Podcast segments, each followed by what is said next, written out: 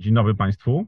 Łukasz Wyszyński i Paweł Kusiak witają na kanale Stosunki Międzynarodowe Akademii Marynarki Wojennej w Gdyni.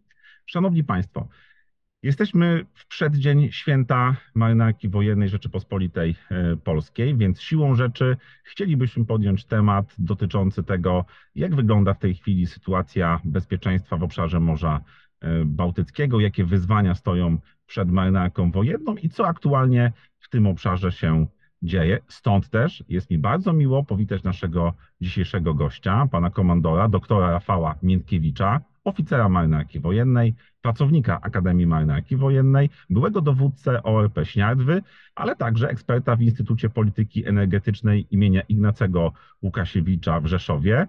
Głównymi obszarami zainteresowań pana komandora y, pozostają kwestie rozwoju nowoczesnych technologii, a w szczególności tych morskich systemów autonomicznych oraz ich wykorzystania kształtowaniu wielowymiarowego bezpieczeństwa morskiego państwa. Rafale, witamy Ciebie bardzo serdecznie i dziękujemy, że przyjąłeś nasze zaproszenie. Dzień dobry panowie, dzień dobry państwu. Panie komandorze, Rafale, w maju bieżącego roku e, na Bałtyku pojawił się włoski niszczyciel rakietowy. No to, yy, ta, to pojawienie się, to, to bazowanie tutaj tego okrętu wywołało bardzo dużą taką dyskusję yy, w naszych środowiskach zainteresowanych bezpieczeństwem, polityką międzynarodową. No tutaj mamy oczywiście kontekst rosyjskiej inwazji na Ukrainę i w ogóle wtedy był bardzo mocno dyskutowany ten, że tak eufemistycznie to ujmę, problem obrony przeciwlotniczej w Polsce i różnego rodzaju kryzysów z tym związanych.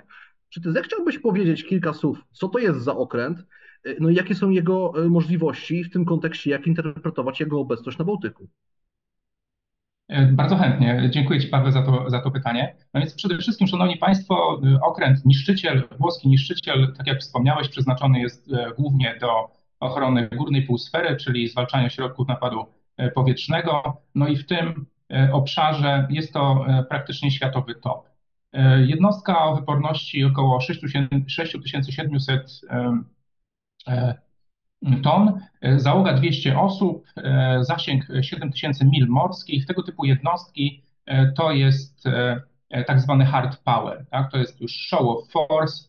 Obecność tego typu jednostek na Bałtyku nie jest, nie jest przypadkowa.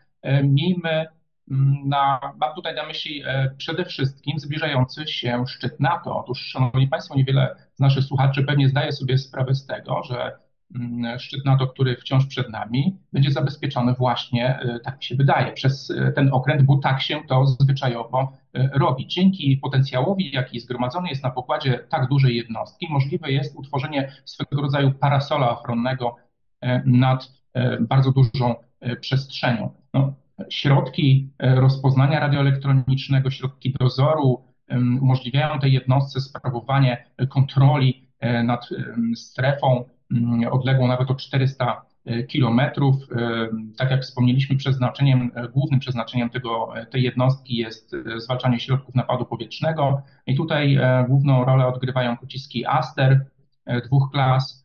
No i w zależności teraz od źródeł, niektóre źródła podają, że tutaj mamy do czynienia z pociskami, które są w stanie zwalczać zagrożenia hipersoniczne. No i tutaj znowu odwołanie do tego, co się dzieje aktualnie na Ukrainie i z czym ukraińska obrona powietrzna musi się e, mierzyć, e, jak i celów e, poddźwiękowych, także samolotów na dosyć dużych zasięgach, bo tutaj jak sprawdzałem sobie wartości, no to źródła podają 100-120 kilometrów. Jednostka na swoim pokładzie przewozi, przenosi śmigłowiec, jest wyposażona w sonar, w torpedy, systemy przeciwtorpedowe, a więc stwarza też możliwości do poszukiwania i zwalczania E, okrętów podwodnych. No przypomnę, e, Bałtyk jest, e, biorąc pod uwagę skomplikowaną hydrologię Bałtyku, akwenem bardzo korzystnym do wykorzystania okrętów podwodnych. Szanowni Państwo, no, okręt klasy niszczyciel bez wątpienia przynosić może także grupy abordażowe, pododdziały wojsk, wojsk specjalnych, no niejako uzupełnieniem tego arsenału jest oczywiście artyleria e, średniego kalibru oraz, e, oraz dwa systemy e, Orlikon, głównie pewnie służące do ochrony bezpośredniej. Ten okręt jest naszpikowany nowoczesnymi rozwiązaniami technologicznymi. Nie można nie wspomnieć o systemach walki radioelektronicznej, o systemach transmisji, transferu danych, systemów łączności, walki radioelektronicznej. To, to wszystko stwarza bardzo nowoczesny konglomerat, jakże, odleg, jakże, jakże odmienny od tego, z czym mieliśmy do czynienia na przykład w przypadku krążownika Moskwy. Moskwa. Ofiary systemów przeciwokrętowych na Morzu Czarnym zastosowanym przez, przez Ukraińców. Ten okręt także posiada na swoim wyposażeniu pociski przeciwokrętowe. To jest jako, niejako taki króciutki, szybki zarys tego, jaki potencjał ten okręt ze sobą przenosi. No, szanowni Państwo, ta obecność tego typu jednostki musi być rozpatrywana wieloaspektowo. Po pierwsze, pokazujemy my jako NATO partnerom Litwa, Łotwa, Estonia, ale także Polska, którzy nie dysponują pełnoskalowym taką marynarką wojenną dysponującą pełnym zakresem zdolności, że oto pojawia się okręt, który, który może pewne luki wypełnić. Wiemy dobrze, jak pewne sytuacje rozgrywa strona przeciwna, Federacja Rosyjska. Ona próbuje doprowadzić do minimalizacji znaczenia państw głównie Pribałtyki, stąd też pojawiają się takie sformułowania jak nowonatowcy, jest taka forma dzielenia NATO na tych nowonatowców i to stare NATO. Tak? Tutaj pojawia się okręt, mogłoby się też wydawać dosyć egzotycznego sojusznika, tak? bo Włochy, kraj śródziemnomorski, nagle deleguje duży okręt o znacznym potencjale na Morze Bałtyckie i to jest pokazanie, że jesteśmy tutaj, wspieramy Was. Jeżeli macie problem, to jest to problem NATO, to jest to problem wschodniej flanki. I żeby zatkać tą lukę, która się gdzieś pojawia, gotowi jesteśmy delegować okręty z innych, z innych krajów. Ja nie przypominam sobie, Szanowni Państwo, takiej sytuacji w ostatnich latach, żeby jednocześnie na Bałtyku operowały dwa zespoły, stałe zespoły sił obrony, po pierwsze sił obrony przeciwminowej NATO, a po drugie stały zespół uderzeniowy NATO. No i jeszcze do tego wszystkiego pojawia się okręt, okręt włoskiej marynarki wojennej, który stanowić ma, no, zgodnie z przekazami medialnymi, także wzmocnienie naszej obrony powietrznej. Tutaj także z relacji medialnych, wcześniejszych komentarzy wywnioskować możemy, że te wybrzeże polskie było traktowane niejako jako taka brama do uderzeń, potencjalnych uderzeń realizowanych przez środki napadu powietrznego na terytoria, czy też na obszary leżące wewnątrz naszego, naszego kraju. Szanowni Państwo, kilka kwestii natury politycznej, to także determinacja. Determinacja poszczególnych członków, ale także dowództw, dowództwa morskiego NATO, które pokazuje, że jesteśmy obecni na Bałtyku. To ja jeszcze tak dopytać chciałem odnośnie samego włoskiego okrętu. W środowiskach zajmujących się, interesujących się publicystycznie, tak popularno-naukowo bezpieczeństwem, wojskowością, często dyskutuje się sens no, wykorzystania marynarki wojennej na Bałtyku. Dla nas to są może kwestie śmieszne, ale myślę, że warto się do tego odnieść i nie mogę nie zapytać, nie zadać tego tobie takiego pytania, czy to nie jest okręt za duży na Bałtyk? Szanowni Państwo, problem jest o wiele szerszy. Wydaje mi się, że jako etymologia tego całego problemu tkwi w takim naszym narodowym przeświadczeniu o tym, że Bałtyk to małe okręty, a właściwie dlaczego i po co mamy poza ten Bałtyk wypływać i realizować gdzieś tam jakieś odległe, odległe wizje. Ja się z tym całkowicie nie zgadzam.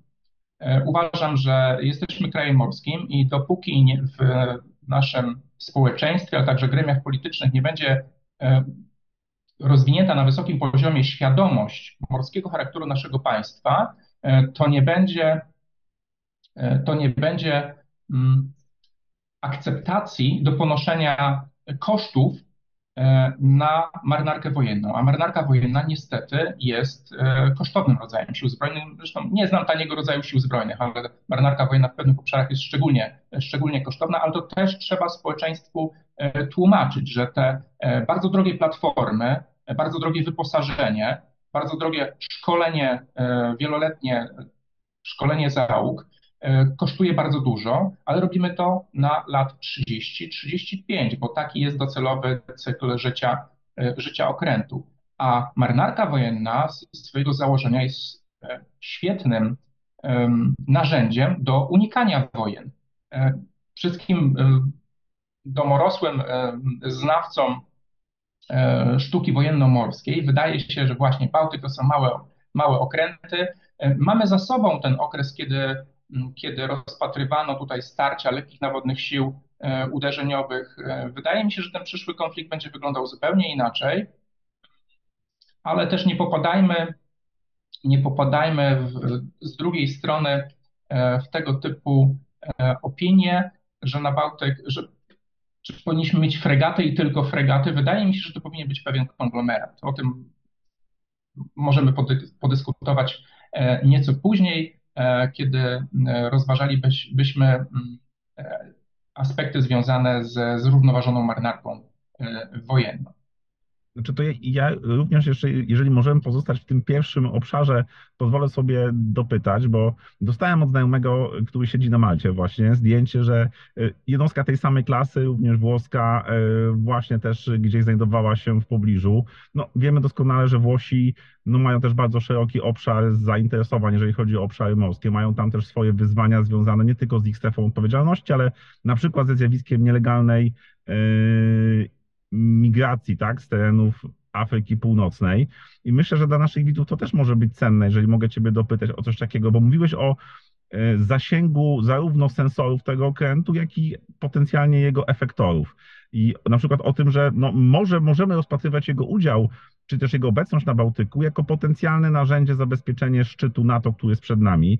Ja też pamiętam, że kiedy były chyba Igrzyska Olimpijskie w Londynie, również y, Royal, Royal Navy też zaznaczyła, że jeden z ich niszczycieli będzie odpowiadał za e, zabezpieczenie przestrzeni powietrznej, no to powstaje pytanie, dlaczego nie robimy tego siłami lądowymi, wojskami obrony przeciwpowietrznej? Dlaczego właśnie, czy co, co takiego szczególnego mają okręty tej klasy, że można właśnie je swobodnie dyslokować i czy rzeczywiście jest tak, że swoimi sensorami i efektorami mogą także pokryć e, przestrzeń lądową? No to kilka słów na temat e, tych specyficznych cech wyróżniających marynarkę wojenną od innych e, rodzajów sił zbrojnych. Przede wszystkim to jest swoboda, możliwość wykorzystania aktualnego statu, stanu prawnego wód międzynarodowych i możliwość znalezienia się w odpowiednim miejscu świata, tam gdzie ta nasza obecność jest e, niezbędna. E, marynarka wojenna okręty, bo mówimy teraz o platformach, mogą tam przebywać przez długi czas i jednocześnie utrzymywać cały czas gotowość do potencjalnego podjęcia działań. To, o czym wspomniałeś, jednocześnie monitorując i analizując aktualny stan zagrożeń. Nie ma lepszego e, środka na tak, e, takich specyficznych przestrzeniach jak akweny, akweny morskie, żeby, e, żeby różnego rodzaju zagrożenia w dolnej i górnej sferze efektywnie wykrywać, śledzić i im, i im przeciwdziałać, gdy zajdzie tego typu potrzeba. Wspomniałeś o problematyce nielegalnej migracji. Ja w swojej karierze, będąc na jednych z ćwiczeń międzynarodowych, rozmawiałem z oficerami niemieckimi, było to właśnie na pokładzie dużej e, niemieckiej jednostki, fregaty, która e, całkiem niedawno wróciła z misji zwalczania e, piractwa w rogu Afryki. No i tam niemieccy oficerowie dzielili się ze mną spostrzeżeniami na temat zdolności tego okrętu do, tego, do realizacji tego typu misji. No i okazuje się, szanowni panowie, że okręt będący dużą platformą, wyposażony w wyrzutnie kierowanych pocisków e, rakiet, rakietowych, e, wyrzutnie torped. Staje się, bardzo duża część, część jego potencjału staje się e, w pewnym momencie całkowicie nieadekwatna do zadań, jakie musi wykonywać. No to jest kolejne wyzwanie, które stoi przed marynarkami wojennymi, żeby utrzymywać taki potencjał, który będzie umożliwiał zwalczanie wielowymiarowych zagrożeń. Te, te zagrożenia, e, wiecie o tym doskonale, one fluktuują, zmieniają się w czasie, e, w przestrzeni. E, te interesy morskie, to o czym wskazuje, na co wskazuje strategiczna koncepcja bezpieczeństwa morskiego państwa, one wykraczają poza Bałtyk. Ja jestem zwolennikiem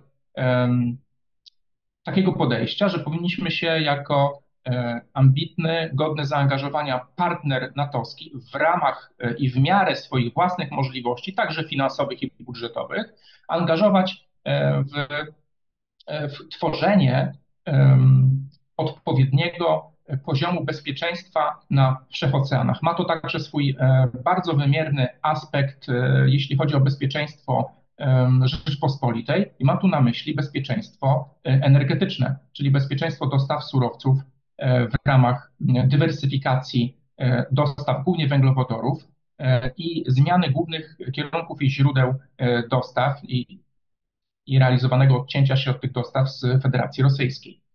Tego typu transport E, realizowany jest na morskich szlakach komunikacyjnych. E, I tutaj e, okazuje się, że w Polski dobrze rozumianym interesie jest, aby te morskie szlaki komunikacyjne były drożne i żeby były bezpieczne. Jakiekolwiek fluktuacje, czy to natury militarnej, podprogowej, E, czy, czy, czy, czy czasem e, wynikające na przykład z błędu ludzkiego, tutaj sobie przypominamy to, co działo się na kanale panamskim, natychmiast powodują pewne perturbacje e, w życiu społeczeństw. Mówię tutaj o zaburzeniach dostaw czy towarów, czy też tak jak to miało miejsce mm, w przypadku kanału panamskiego, dostaw surowców. Tutaj chodziło o LNG. No, przechodząc do kolejnego takiego dużego, dużego wątku, to się już rzeczywiście pojawiło, no bo mm, to chyba no nie będzie oryginalne stwierdzenie, no ale chyba przekonanie że trudno jest dyskutować dzisiaj z przekonaniem, że wojna na Ukrainie, rosyjska inwazja na Ukrainie, no to jest wydarzenie, które no w sposób diametralny y, wymusza przewartościowanie w refleksji na temat bezpieczeństwa, w ogóle całego funkcjonowania państwa i zdolności w ogóle, w ogóle jego obrony i przyszłości, naszej, przyszłości całego naszego regionu. No i w tym kontekście chciałem Ciebie zapytać, co w Twojej ocenie y, wojna na Ukrainie zmieniła w myśleniu o bezpieczeństwie E, regionu Morza e, Bałtyckiego. No i jakie są w, w, tym, w tym momencie główne wyzwania dla Polski i dla NATO tutaj? No zwróćmy przede wszystkim uwagę na te strategiczne decyzje, które zapadały mm, w Finlandii i Szwecji o przystąpieniu tych dwóch krajów do, e, do NATO. W przypadku Finlandii to już się sfinalizowało, w przypadku Szwecji czekamy jeszcze wciąż na zakończenie tego procesu, ale to już samo w sobie jest bardzo dużym wydarzeniem, który zmienia niejako układ sił na Morzu Bałtyckim. E, ale pojawiły się mm, głosy, że od tego momentu e, Morze Bałtyckie właściwie będzie morzem wewnętrznym NATO i zapanuje tutaj szeroko rozumiane e, bezpieczeństwo. Wydaje mi się, że nie do końca, Szanowni Państwo. Biorąc pod uwagę mm, istnienie tych dwóch, mm, dwóch obszarów Federacji Rosyjskiej, mam tutaj na myśli obwód obwód e, kaliningradzki e, właściwie e, i, i, i, i, i Sankt Petersburg jako takie dwie bańki antydostępowe, to Federacja Rosyjska będzie dążyła do tego, żeby tutaj swoją obecność militarną jak najbardziej, jak najbardziej akcentować. Z drugiej strony NATO będzie dążyło do tego samego i już widzimy pewne pewne związane z tym e, fakty, tak? czy choćby wspomniane przeze mnie obecność tych dwóch zespołów e, sił e, przeciwminowych, sił uderzeniowych NATO, obecność, obecność włoskiego, włoskiego niszczyciela, wspólne manewry. To wszystko powoduje, jest efektem także tego, z czym mieliśmy do czynienia na Morzu, na Morzu Czarnym. Ja, szanowni panowie, wspomnę jeszcze na jeden taki aspekt. To, co dzieje się na Morzu Czarnym. Wydaje mi się, że morski aspekt konfliktu to jedyny strategiczny cel Federacji Rosyjskiej, jaki uznać możemy za osiągnięty przez stronę rosyjską w tym konflikcie. Mówię tutaj o blokadzie morskiej państwa. Kwestii niezwykle niebezpiecznej dla Polski, biorąc pod uwagę właśnie dywersyfikację dostaw surowców o znaczeniu e, strategicznym. Druga kwestia to zagrożenie, jakie flota, e, flota Federacji Rosyjskiej wciąż na Morzu Czarnym e, stwarza.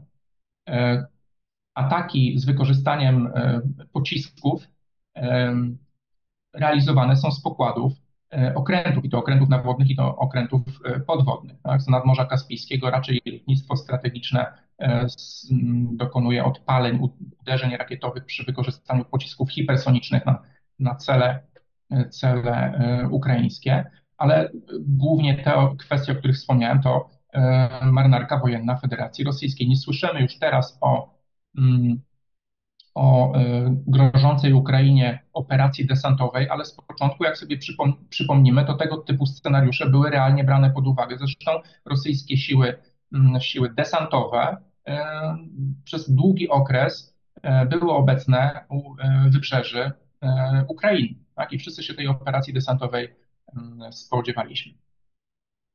Mm. Znaczy to w, w tym kontekście, jak mogę dopytać o jedną rzecz.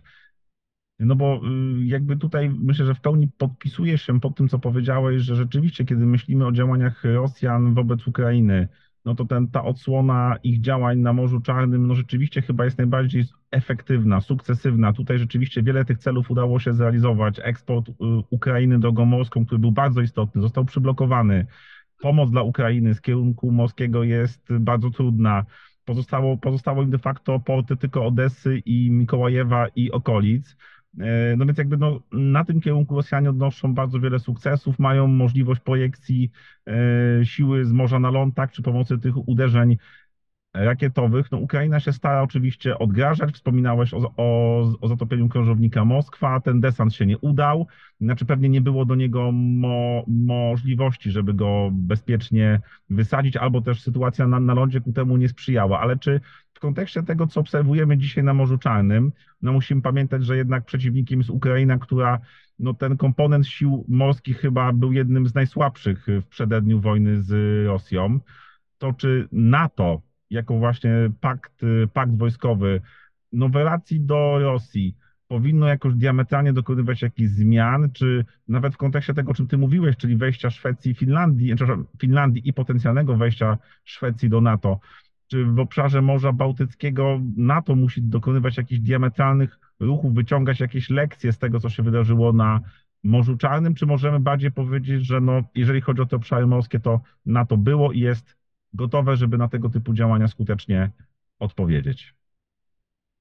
Bez wątpienia tego typu działania są, są potrzebne. Nastąpiło moim zdaniem pewne przebudzenie. Jak ja sobie przypomnę jeszcze sytuację sprzed kilku lat, gdzie takie morskie kraje jak Holandia, Niderlandy nie dysponowały odpowiednim okrętem, żeby, e, który mógłby wyjść w morze i towarzyszyć rosyjskim E, siłom, które realizowały przemieszczenie gdzieś z Morza Bałtyckiego na Morze Śródziemne. E, z drugiej strony, te wszystkie działania, o których też chwilę, chwilę mówiłem, choćby operacje anty, antypirackie, antyterrorystyczne, przeciwdziałanie, zwalczanie nielegalnej migracji, w których też marynarki wojenne biorą, biorą wciąż udział, to jest jedna strona medalu, ale z drugiej strony zwróćmy uwagę, że tutaj mamy do czynienia z otwartym konfliktem i z, e, z wykorzystaniem pełnego potencjału bojowego. E, więc potrzebny jest ten hard power. Tak? Potrzebne są jednostki uderzeniowe, e, które będą w stanie, no, nazywajmy rzeczy po imieniu, zwalczać po prostu przeciwnika, niszczyć cele, także niszczyć cele E, położone na lądzie, bo tym głównie zajmuje się marynarka wojenna Federacji Rosyjskiej na Morzu Czarnym. To jest projekcja potencjału morskiego z morza na ląd. Wspomniałeś, Łukaszu, o, o tych kwestiach e, blokady morskiej, blokady ekonomicznej. E, ja chciałbym jeszcze tylko wspomnieć, że tego typu czynności, tego typu działania to był cały szereg to był, to był swego rodzaju proces, który zaczął się e, kilka lat przed e, tym, tą eskalacją w postaci e, otwartego konfliktu. Tak? Przypomnijmy sobie te działania Federacji Rosyjskiej polegające na przykład na przerzuceniu mostu kerczeńskiego, ale zbudowaniu go w taki sposób, który uniemożliwił dostęp statków pełnomorskich do głównych ukraińskich portów, odpowiadających za 70% ukra ukraińskiego eksportu drogą morską. E, most został zbudowany na tyle nisko, że nie, te, te, statki pełnomorskie nie mogły pod nim e, przepływać. Przypomnijmy sobie te sytuacje, e, które dzisiaj nazywamy eskalacją tego całego procesu, związane z blokowaniem tego mostu. Tam na zdjęciach było, było, był dostrzegalny specjalny statek, który Rosjanie trzymali w pogotowiu, który na wypadek próby sforsowania przez te, te, tego przejścia miał po prostu fizycznie to przejście zablokować. Z drugiej strony, Szanowni Państwo, jednym z takich głównych aspektów, który ja dostrzegam, biorąc pod uwagę fakt, że zajmuję się i interesuję się technologiami autonomicznymi, nowoczesnymi, to mnie niezwykle interesuje to, do czego Rosjanie, ale także Ukraińcy wykorzystują drony, drony latające i drony nawodne. Bo sytuacja związana z saturowanymi, e, jednoczesnymi e, atakami, uderzeniami powietrznymi przy użyciu pocisków e, rakietowych i właśnie dronów produkcji irańskiej, to niejako kalka tego, z czym mieliśmy do czynienia już od kilku lat na Morzu Czerwonym, Szanowni Państwo. Jednym z głównych szlaków, którym dostarczane są e, węglowodory. Głównym szlaku, jednym z głównych szlaków, który, którym e, prowadzą drogi transportu ropy naftowej i gazu z państw rejonu Zatoki Perskiej. E, otóż tam, Szanowni Państwo, w ramach e, tak zwanej wojny zastępczej Iran wspierał wojowników Huti, którzy operowali z upadłego państwa, z terytorium państwa upadłego Jemenu i atakowali okręty wojenne, atakowali zbiornikowce, e, atakowali w końcu cele lądowe jednego z największych potentatów naftowych, naftowych Saudi Aramco w Arabii. I tego typu sytuacje, tak, transfer technologii z kraju o e, rozwiniętych technologiach e, dronowych, mówię tutaj o Iranie, e, czyli technologia, dostarczenie, dostarczenie środków, ale także taktyka. Taktyka, czyli sposoby przygotowania i prowadzenia tego typu uderzenia.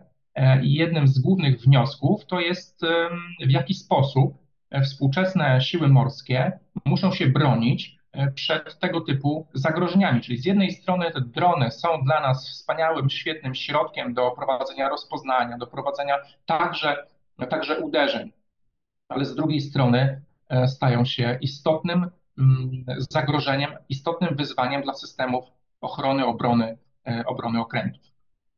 No i w tym kontekście naturalnie niejako nasuwa się pytanie, no, w, no już wracamy z Morza Czarnego i, i, i może z Bliskiego Wschodu do nas, E, i pytanie o naszą infrastrukturę krytyczną. Już troszeczkę na samym początku o tym, o tym wspomniałeś, ale czy mógłbyś tą kwestię rozszerzyć? To znaczy, warto chyba to powiedzieć. Co z polskiego punktu widzenia stanowi tą infrastrukturę krytyczną na Bałtyku? E, no i jak to, jak to najprawdopodobniej będzie ewoluowało w najbliższych latach? Bez wątpienia tego typu infrastrukturą są specyficzne bardzo obiekty działające na styku tych dwóch środowisk, czyli morza i lądu, którymi są główne porty polskie główne, ale także te porty, które pełnią dosyć podrzędną rolę w, w naszej gospodarce morskiej. One także są niezwykle istotne, głównie w, w kontekście rozwoju morskiej energetyki wiatrowej i e, portów e, serwisowych. E, te główne porty, porty polskie odegrały w ostatnich miesiącach no, szczególną rolę w zapewnieniu bezpieczeństwa energetycznego naszego państwa. Do innych tego typu obiektów na pewno na, należy zaliczyć terminal LNG e, w Świnoujściu, e, który za chwilę ma osiągnąć moce no 7 miliardów metrów sześciennych gazu rocznie, gdzieś tam przewidywane na 10 miliardów metrów sześciennych. E, do tego wszystkiego oczywiście uruchomiony gazociąg Baltic Pipe, który otwiera nam mm, możliwość sprowadzenia gazu norweskiego z, z, ze złóż szelfu, norweskiego szelfu kontynentalnego.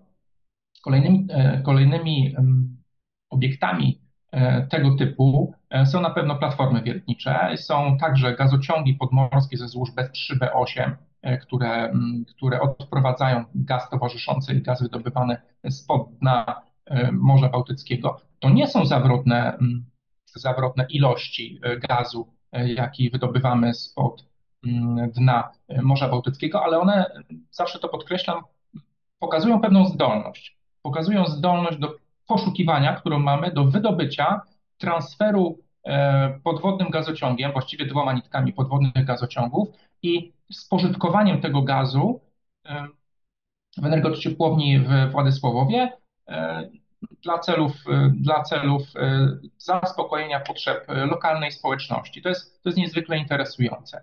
No w przyszłości niedalekiej tego typu, tego typu obiektami będą bez, bez wątpienia morskie farmy wiatrowe. No i tutaj przypomnę, tak, ten potencjał morskiej energetyki wiatrowej na polskich obszarach morskich szacowany jest według ostatnich prognoz nawet na 33 gigawaty mocy i to, szanowni państwo, jest około 60% zapotrzebowania Polski na wciąż wzrastające, wciąż wzrastające zapotrzebowanie na, na moce. To jest oczywiście efektem postępującej cyfryzacji. Tych urządzeń mamy coraz więcej, prądu będziemy potrzebowali także e, coraz e, więcej. Morska energetyka wiatrowa to jest także bardzo istotny element transformacji energetycznej i na przykład rozwoju, rozwoju gospodarki wodorowej, bo nadwyżki energii, które mają się pojawić, mają zostać zmagazynowane poprzez wykorzystanie właśnie technologii e, wodorowych. No, dość wspomnieć, że te pierwotne plany posadowienia morskich farm wiatrowych na polskich obszarach morskich to jest około 2300 e, km kwadratowych. No to jest e, powierzchnia odpowiadająca czwartemu i piątemu kolejności największym powiatom w Polsce. Tak? E, dla porównania Warszawa ma powierzchnię około 520 km kwadratowych, nasz Gdańsk około 260 km kwadratowych, a tutaj 2300 km kwadratowych. Jeżeli E, udałoby się e, zwiększyć e, ten, ten wolumen i niejako podwoić ilość działek, na których morska energetyka wiatrowa mogłaby być produkowana, no to ta powierzchnia zwiększa się do ponad 4000 km kwadratowych. Kolejnymi, kolejnymi niezwykle istotnymi obiektami infrastruktury krytycznej będą zapowiadane terminale FSRU, czyli Floating Storage Regasification Unit, najprawdopodobniej dwa, posadowione prawdopodobnie e, na wybrzeżu e, Zatoki Gdańskiej, które także mają wzmocnić nasze bezpieczeństwo energetyczne, e, ale także spowodować, że Polska stanie się hubem energetycznym, hubem, hubem gazowym i dzięki wolumenowi, jaki będziemy w stanie sprowadzić i wyprodukować, a, a, także wydobyć na terenie Rzeczpospolitej, będziemy mogli wspierać państwa sąsied, sąsiednie, a tym samym rola taka geopolityczna Polski jako gracza na tym rynku gazowym e, znacznie się e, zwiększy. Oczywiście nie zapominajmy, że inwestycje w morską energetykę wiatrową to także e, podwodne linie przesyłowe, to są setki kilometrów kabli energetycznych, także odprowadzających te wyprodukowane moce w relacji farmy-brzeg.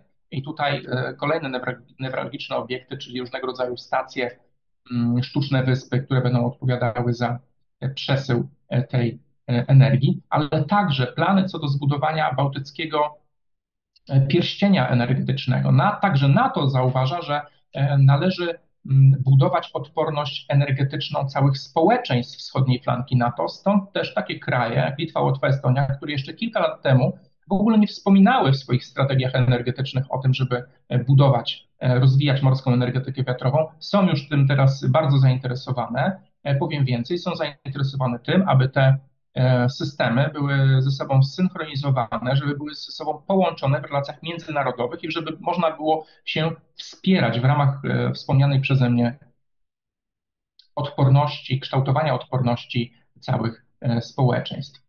Bez wątpienia tego typu infrastrukturą będzie także E, pierwsza planowana do posadowienia na Wybrzeżu Bałtyckim, e, tutaj powiat Lubiatowo-Choczewo, elektrownia atomowa. Jej e, instalacje mają być wyprowadzone na kilka kilometrów w głąb morza. Sam transport tych wielkogabarytowych, wielkogabarytowych obiektów, z których elektrownia będzie budowana, realizowany będzie także drogą morską te elementy chłodzenia i zrzucania e, wody wykorzystanej do chłodzenia reaktora e, zamontowane będą e, w wodach Bałtyku, a w związku z tym także podlegały będą potrzebie ochrony.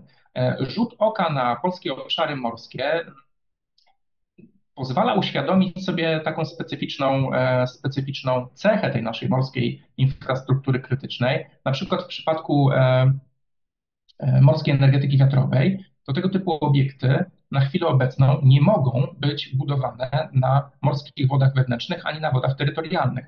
A tym samym tego typu obiekty są, będą budowane poza granicami Rzeczpospolitej, w granicach wyłącznej strefy ekonomicznej RP. No, zasięg ponad 20 km od brzegu. To także wymusza pewne pewne sposób postrzegania i podejścia do problematyki monitorowania i ochrony tego typu no, i, znaczy... obiektów. No, biorąc, biorąc także pod uwagę e, przestrzeń, jaką one będą zajmowały, to to jest game changer e, dla marynarki wojennej w obszarze rozpoznania, monitorowania sytuacji, realizacji działań właśnie uderzeniowych. Tak?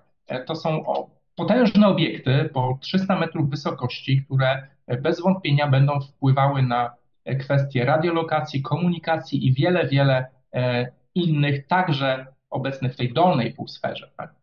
Znaczy, to, znaczy powiem tak, cała skala tej infrastruktury, o której mówiłeś i myślę, że to było imponujące o tyle, że zaczynając od portów, pokazując jaka jest infrastruktura współdzielona z innymi państwami, jakie to jest ważne wieloaspektowo dla naszej gospodarki, energetyki, no to pokazuje, że jest to potężny obszar, który tak jak właśnie zaznaczyłeś na końcu, no wymaga i monitorowaniu, i ochronie.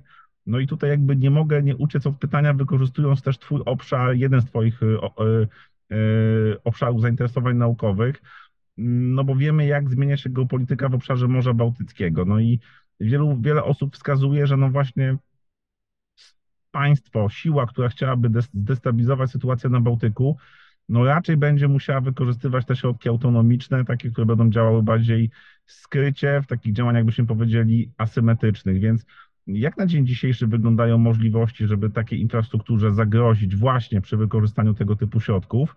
No ale też z drugiej strony, jakie my możemy, jakie my mamy potencjał, jakie, o jakich narzędziach i rozwiązaniach my możemy myśleć, żeby skutecznie też monitorować i przeciwdziałać tego typu aktom, no byśmy powiedzieli, dywersyjnym, yy, które no mogą właśnie być ukierunkowane na naszą infrastrukturę krytyczną. Szanowni Państwo, Szanowni Panowie, Bałtyk postrzegany jest jako jeden z najbardziej zatłoczonych akwenów, biorąc pod uwagę tranzyt, który się nim na jego, na jego wodach jest realizowany. Po drugie,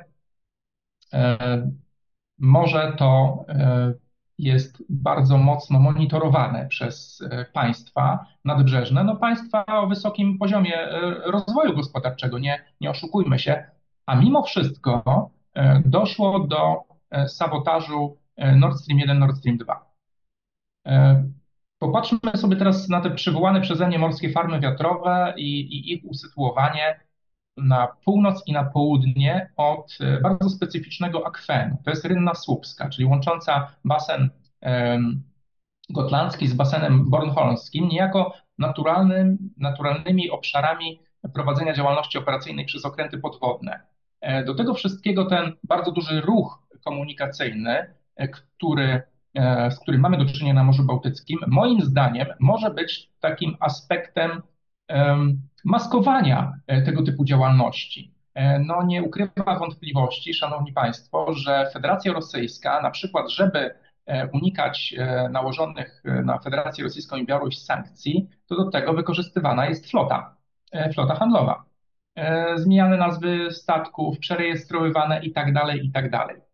Bardzo duży szereg takich niewyjaśnionych, nie do końca, nie do końca jasnych dla, dla takich zwykłych obserwatorów działań podejmowanych przez Federację Rosyjską jest dostrzegalny także w odniesieniu do e, Rzeczpospolitej. Na przykład e, na forach przez ostatnich kilka miesięcy e, można było poczytać o obecności trzech statków na wysokości Rozewia, które zaraz za granicą naszych wód terytorialnych kotwiczyły, regularnie wpływały do, do, do Królewca.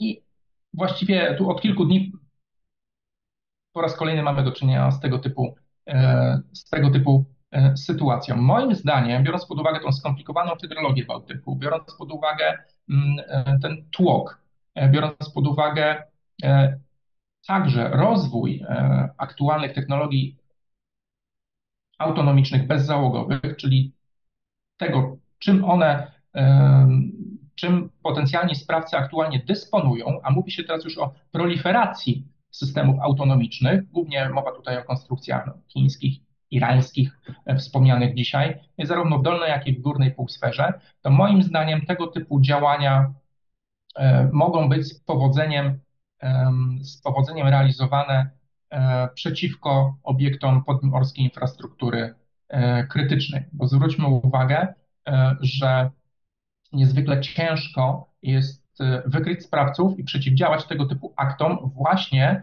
e, przeciwko elementom infrastruktury krytycznej, które posadowione są na dnie morskim. A to będą bez wątpienia gazociągi, będą bez wątpienia e, podmorskie linie mm, elektroenergetyczne, podmorskie elementy morskich farm wiatrowych i wiele innych, ale także statki. Także statki, E, na przykład e, zbiornikowce e, LNG, czy też tankowce transportujące ropę naftową. Więc tego typu, tego typu zagrożenia są w moim odczuciu jak najbardziej, jak najbardziej realne. Jeżeli połączy się je z pewnymi działaniami, do których szkolone są pododdziały specjalne, jeżeli do tego wszystkiego doda się E, możliwość wykorzystania e, środków miniaturowych w postaci miniaturowych okrętów podwodnych. Jeżeli do tego wszystkiego dodamy jeszcze e, możliwość wykorzystania statków cywilnych, które mogły zostać dostosowane do roli jednostek matek, nosicieli, na przykład dronów podwodnych, no to robi nam się bardzo niebezpieczny konglomerat środków, które mogą być efektywnie użyte przeciwko, przeciwko E, infrastrukturze krytycznej i przeciwko e, statkom. Mając to wszystko na uwadze, co powiedziałeś, e, i patrząc na nasze interesy na morzu, nie tylko na Bałtyku, choć przede wszystkim na Bałtyku, to w Twojej ocenie jakich zdolności potrzebuje marynarka wojenna, żeby, żeby no realiz realizować te wszystkie cele i chronić nas przed zagrożeniami? E, problematyka e, zdolności, jakimi dysponować powinna marynarka wojenna, e, to jest także problem wielo, wielo, wieloaspektowy.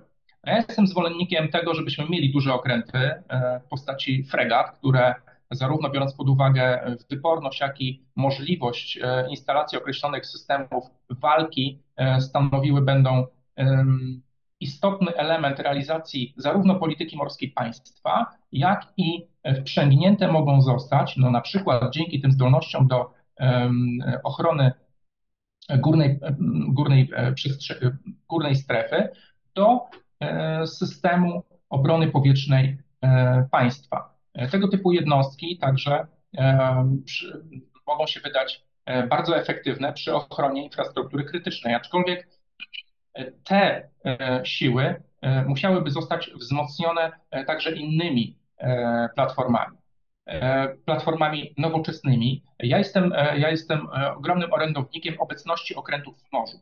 Okręty muszą prezentować determinację państwa, zwłaszcza w odniesieniu do takiego państwa, jakim jest Federacja Rosyjska, która rozumie język siły i język silnych, czyli uzbrojone okręty realizujące swoje zadania prezentujące status quo e, państwa w sposób twardy, jeśli tego, jeśli tego e, trzeba. Jeśli chodzi o zdolności, no tutaj dyskusja na temat zrównoważonej e, marynarki wojennej, ale to oczywiście gremia polityczne muszą zadać sobie te pytania i nie bać się udzielić odpowiedzi na, na kwestie związane z tym, gdzie są te nasze interesy. Ja przypomnę, że mamy na przykład strategię arktyczną i w dobie zmian klimatycznych e, no wiele krajów, głównie Arktyczna Piątka, e, bardzo e, dynamicznie przygotowuje się do tego, aby no, czerpać korzyści gospodarcze z eksploatacji zasobów, które zostaną za chwilę uwolnione w wyniku zmian klimatycznych i rozmarzania, rozmarzania akwenu. Biorąc pod uwagę nasze działania, głównie prowadzoną działalność naukową, no, Polska posiada jak najbardziej pełne prawa do tego, aby tego typu strategie także rozwijać, no ale pytanie o środki. Czy mamy środki do tego, żeby włączyć się do tej e, no, globalnej już e, gry? Strategiczna koncepcja bezpieczeństwa morskiego państwa pokazała bardzo wyraźnie, gdzie um, znajdują się ten choćby biorąc pod uwagę najbliższe rejony o szczególnym znaczeniu dla, dla bezpieczeństwa, dla gospodarki państwa, a w związku z tym, gdzie uprawiana jest polityka. Ja tylko wspomnę, że rejonami dostaw surowców strategicznych są Stany Zjednoczone, są kraje Zatoki Perskiej, jest Norwegia, Wielka Brytania. O, te, o, o ile przypominam sobie, węgiel importowaliśmy nawet z Australii, część zasobów szła z Nigerii, z Mozambiku. Także to są także rejony, gdzie nasze interesy powinny być, powinny być obecne. Na pewno nie samodzielnie, na pewno nie samodzielnie, Szanowni Państwo, ale włączajmy się, może nie we wszystkie, ale w liczne inicjatywy, których nie brak, po to, żeby kształtować swój wizerunek jako partnera wiarygodnego i angażującego się w kwestie bezpieczeństwa NATO, rozumianego nieco szerzej niż Bałtyk i region, region bałtycki. No, kolejnym, kolejną kwestią do przedyskutowania w obszarze zdolności to są oczywiście zadania, jakie powinna realizować marynarka wojenna. Te zadania bezpośrednio powinny odpowiadać zagrożeniom. Te zagrożenia, co myślę, że udało nam się dzisiejszą audycją udowodnić, one są zmienne. Jeszcze kilka lat temu marynarki wojenne zajmowały się czymś zupełnie innym. Teraz ta szala przechyla się na ten hard power, tak? na, na te zdolności stricte, stricte bojowe, przy czym kwestie związane na przykład z nielegalną migracją wciąż są obecne na Morzu Śródziemnym. Przeciwdziałanie narkobiznesowi, tak? I tak dalej, i tak dalej. Do, no, do starych zagrożeń chciałoby się rzec, dochodzą także, także, także nowe. No i ostatnim aspektem to oczywiście potencjał ilościowo-jakościowy. Jaka powinna być marynarka, ile powinna mieć okrętów i jakich, ale to są pytania już zadane nieco w ostatniej, w ostatniej fazie tych dyskusji. No biorąc pod uwagę strukturę marynarki wojennej, jak, jaką teraz mamy, no ona jest niestety pokłosiem tego, z czym z jakim, jak te siły morskie wyglądały w, roku 89, także to zbudowane siły trałowo, trałowo-minowe, siły, siły desantowe, no teraz przemianowane na transportowo-minowe, niezwykle istotne, bo one także pokazują te zdolności do wsparcia regionalnych sojuszników NATO, na przykład tych, którzy nie dysponują bateriami przeciwokrętowych kierowanych pocisków rakietowych. My dzięki temu, że mamy takie okręty, jesteśmy w stanie przerzucić te siły na wybrzeża państw, państw sojuszniczych i tam w ramach realizacji wspólnej polityki NATO potencjalnie je użyć. Znaczy to, szanowni państwo, podczas naszej rozmowy padło bardzo wiele ciekawych wątków. Gdybym miał ją podsumować, to chyba użyłbym takiego zwrotu, że widzimy, że historia nie skończyła się na Morzu Bałtyckim, a tego typu głosy pojawiały się, kiedy Bałtyk, nazwijmy to, stabilizował się, rosły przeładunki towarowe, wymiana handlowa, budowano zaufanie i myślano, że tak jak tutaj nasz dzisiejszy ekspert wskazał, no, marynarka wojenna miała służyć innym celom, a okazuje się, że środowisko bezpieczeństwa w obszarze Morza Bałtyckiego zmienia się dynamicznie. Wojna na Ukrainie jest czynnikiem, który nie, niewątpliwie te zmiany przyspieszył.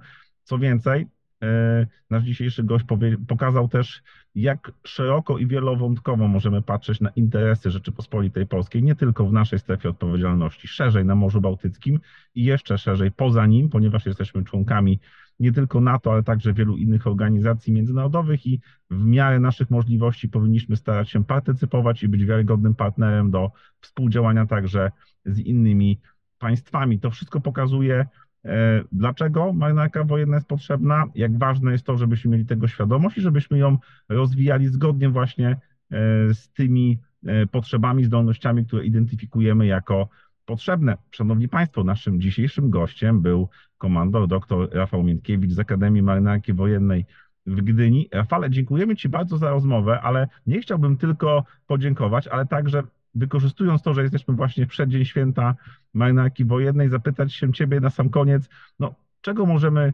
marynarce wojennej e, z okazji jej święta życzyć? E, jako okrętowiec e, to życzę marynarce wojennej nowych, nowoczesnych platform i ich obecności na wodach Bałtyku, głównie na polskich obszarach morskich. Mm, dziękujemy bardzo, a my się pod tymi życzeniami podpisujemy. Ze swojej strony dodamy, że wszystkim koleżankom i koledzy, którzy są w tej chwili w służbie, życzymy e, zdrowia, bezpiecznej służby, satysfakcjonującej służby. Także tym, którzy są już na emeryturze, życzymy tego, żeby ze swojej drogi e, zawodowej mieli jak najwięcej satysfakcji. Rafale, jeszcze raz bardzo dziękujemy, że zgodziłeś się na rozmowę z nami. Zapraszamy Państwa do tego, żeby tą rozmowę udostępniać, żeby ją komentować. No i zapraszamy na nasze już kolejne materiały. Dziękujemy, że byliście z nami. Do widzenia. Dziękuję bardzo.